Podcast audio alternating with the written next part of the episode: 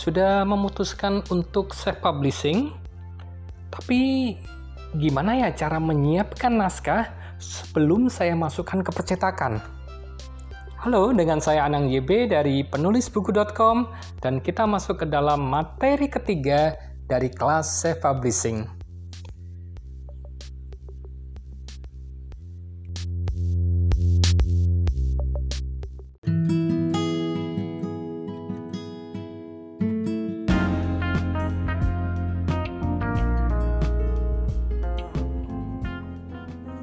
Halo. Nah, di dalam urusan penerbitan buku ada dua istilah yang perlu Anda pahami. Ini adalah istilah untuk self publishing ya. Yang pertama adalah urusan pracetak. Kemudian yang berikutnya adalah urusan cetak. Kali ini kita mau ngobrol dulu soal urusan pracetak ini. Apa sih yang disebut dengan pracetak? Namanya pracetak berarti segala macam urusan sebelum Anda memasukkan naskah Anda ke dalam e, percetakan. Nah, sudah pasti bahwa yang harus Anda siapkan pertama kali adalah naskah Anda sudah final. Bukan lagi sekedar draft lengkap, tetapi sudah benar-benar naskah final. Naskah final mengandaikan bahwa Anda sudah melalui banyak proses di dalam proses kepenulisan. Anda sudah melakukan revisi dan Anda sudah melakukan proses penyuntingan naskah. Tidak peduli apakah Anda menyunting sendiri atau Anda keluarkan kocek Anda untuk membayar seorang editor profesional. Intinya, sebelum Anda mau menerbitkan buku, Anda sudah final dulu dengan naskah Anda. Oke? Okay? Naskah final bukan sekedar naskah yang sudah selesai, tetapi juga naskah yang sudah lengkap. Artinya Anda sudah punya judul, sudah ada daftar isi, sudah ada isi tulisan, bahkan Anda sudah melengkapinya dengan profil diri Anda sebagai penulis, ada foto Anda, dan bila perlu, Anda juga sudah menyiapkan blurb. Blurb, B-L-U-R-B, bola Pokoknya bacanya blur gitu ya. Jadi ini adalah teks yang Anda akan tampilkan di halaman belakang sampul buku Anda ya, di sampul belakang buku Anda. Sudah merasa naskahnya lengkap? Oke, Anda kalau mau cepat beres, Anda bisa cari layouter, Anda bisa bayar orang itu nanti dia akan membantu menyusun naskah Anda dari halaman depan sampai dengan halaman belakang dan Anda tahu beres. Bukunya sudah rapi, didesain dengan daftar isi, dengan kelengkapan, dengan font yang benar, dengan tata letak yang baik. Tapi bagaimana caranya kalau saya tidak punya uh, tidak punya cukup modal untuk itu? Bolehkah saya menyusunnya menggunakan software yang saya kuasai? Entah itu dengan InDesign atau dengan Microsoft Word misalnya. Tentu Anda bebas untuk melakukan itu. Bahkan saya sarankan kalau Anda mau mencoba, Anda tertantang, Anda bisa melakukan layout buku, menyusun sendiri menggunakan program Microsoft Office. Anda bisa gunakan misalnya yang paling familiar adalah Anda memakai Microsoft Word. Oke, taruhlah Anda mau coba-coba sendiri agar irit, agar Anda juga punya pengalaman baru untuk menyusun sebuah layout buku. Pahami terlebih dahulu adalah sistematika buku. Jadi Anda bisa buka buku-buku yang taruhlah Anda buku non-fiksi yang mau Anda terbitkan. Anda bisa cari buku non-fiksi yang sudah terbit, Anda bisa ambil uh, saya sarankan ambil dari penerbit yang sudah terkemuka ya misalnya ah nggak usah sebut deh. Anda bisa ambil dari penerbit terkemuka. Nah biasanya mereka sudah ada standar sistematika bukunya ya. Demikian pula kalau Anda mau menerbitkan novel Anda, Anda bisa cari contoh novel dari penerbit terkemuka agar sistematikanya memang sudah benar dan baku. Sebagai gambaran, saya mau coba jelaskan sistematika buku merujuk pada buku pintar penerbitan buku yang diterbitkan oleh Gramedia Publisher yaitu Grasindo. Ya, ini adalah sistematika untuk buku non fiksi. Ya, Kalau buku fiksi novel biasanya lebih simpel, jadi eh, apa yang akan saya jelaskan ini sudah memenuhi bahkan untuk novel. Jadi tinggal nanti Anda bandingkan dengan buku-buku yang sudah terbit ya. Sebuah buku, terutama non-fiksi, biasanya dia terdiri dari tiga bagian utama. Pertama adalah pra-isi, kedua adalah isi, dan yang ketiga pasca isi. Kita bedah satu persatu. Kita mulai dari bagian paling depan yaitu praisi. Praisi ini ada banyak sekali kontennya.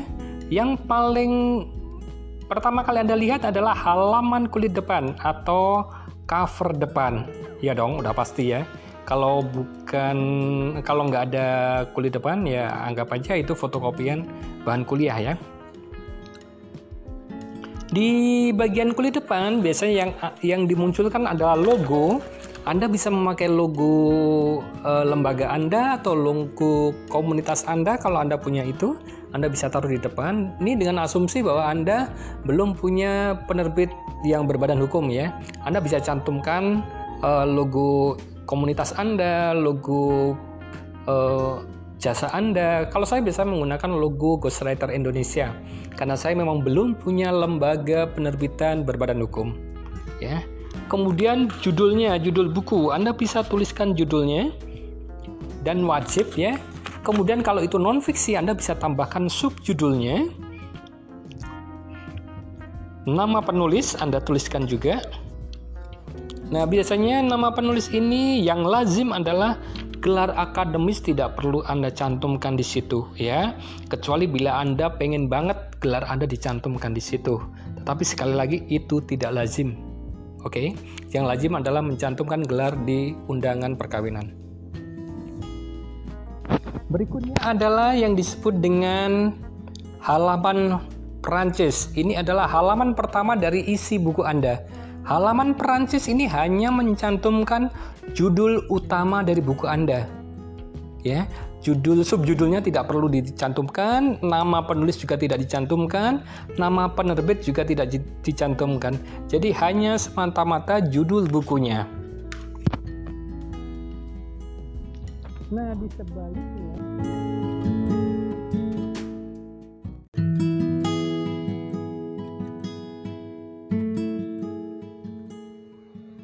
Setelah halaman Prancis, Anda akan masuk ke halaman yang disebut dengan halaman pelanggaran hak cipta. Nah, di sini Anda mengutip undang-undang hak cipta, Anda tampilkan di halaman sebalik halaman Prancis.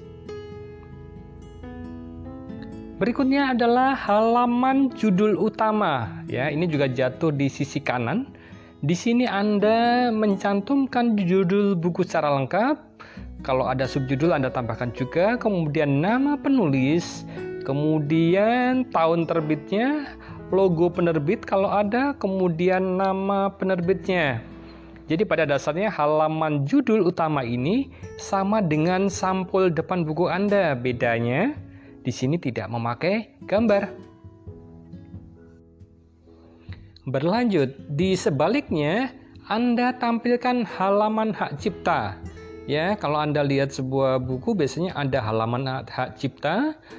Di sini Anda menampilkan tiga bagian pokok yaitu yang pertama adalah deskripsi buku tersebut, memuat tentang judul buku, pemegang hak ciptanya penulis atau dan penerbit, kemudian editornya siapa, desainernya siapa, penata isinya siapa.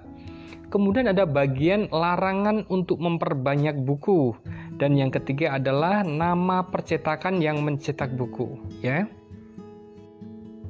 Aturan penulisan antar bagian pokok itu diberi jarak atau spasi yang cukup longgar. Tata letak biasanya dibuat rata kiri kecuali untuk buku-buku fiksi anak ya. Hal ini bertujuan untuk mempermudah fokus pembaca. Setelah halaman hak cipta, Anda berpindah ke halaman berikutnya yang disebut dengan halaman persembahan atau untuk siapa buku ini Anda dedikasikan. Anda bisa tuliskan di situ. Boleh juga masuk ke halaman berikutnya yaitu halaman moto. Kalau Anda punya moto, punya quote atau punya kata-kata bagus, Anda bisa tambahkan di sana. Berlanjut, yang tidak kalah pentingnya dan wajib adalah daftar isi. Ya, daftar isi ini ditempatkan sebelum kata pengantar. Daftar isi wajib untuk konsisten, artinya harus sama dengan isi bukunya nanti, baik itu judul, subjudul, dan penomoran halamannya. Jika buku Anda cukup lengkap, Anda bisa menambahkan juga daftar tabel ya pada halaman berikutnya dan juga daftar gambar kalau ada. Berlanjut ke halaman berikutnya adalah kata sambutan atau kata pengantar atau kadang disebut juga sekapur siri. Apa yang kita tampilkan di dalam bagian ini? Kata sambutan ditulis oleh orang di luar penulis. Saya ulang sekali lagi, kata sambutan atau kata pengantar atau kata atau skapur sirih ini ditulis oleh orang di luar penulis. Itu bisa seseorang yang punya kompetensi atau keahlian sesuai dengan tema buku Anda atau pimpinan Anda jika memang dia adalah memang perlu untuk masuk di situ atau pejabat tertentu yang punya relevansi dengan karya Anda. Setelah itu pindah ke halaman berikutnya yang disebut dengan prakata. Nah, kalau prakata ini ditulis oleh penulis sendiri. Ya, kalau Anda penulisnya ya Anda yang menulis. Penempatan prakata ditampilkan setelah kata sambutan atau kata pengantar yaitu setelah daftar isi. Tapi kalau tidak ada kata pengantar, berarti prakata ini ditampilkan setelah daftar isi.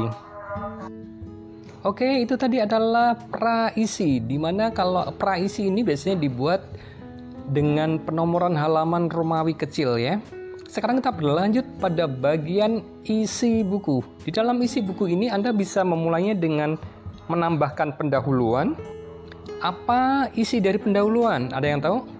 Pendahuluan biasanya berisi penjelasan mengenai isi buku yang Anda tulis secara keseluruhan dan Anda tulis secara ringkas sebagai ilustrasi atau gambaran awal kepada pembaca Anda. Tentu setelah pendahuluan Anda mulai masuk ke bab demi bab, bab 1, bab 2, bab 3 dan mungkin tiap bab ada subbab masing-masing ya. Anda tulis di mana tiap kali ganti bab Anda tempatkan pada halaman yang berbeda. Seringkali layouter malah membuat ini secara khusus artinya semua bab baru dimulai dari halaman ganjil atau halaman kanan. Oke, setelah semua bab Anda tuliskan, kemudian di ujungnya Anda bisa tambahkan daftar istilah jika memang ada. Ya, maka itu menjadi ujung dari isi buku Anda. Oke, isi sudah selesai. Kemudian sekarang masuk ke pasca isi. Apa yang kita masukkan di dalam pasca isi ini? Di sini yang pertama adalah daftar pustaka, ya. Jangan abaikan pengaturan daftar pustaka secara resmi. Meskipun ini adalah self publishing, tetapi Anda saya harapkan tetap menuliskan daftar isi, ya daftar pustaka sesuai dengan ketentuan yang berlaku. Ada beberapa metode penulisan daftar pustaka, Anda bisa pilih salah satunya.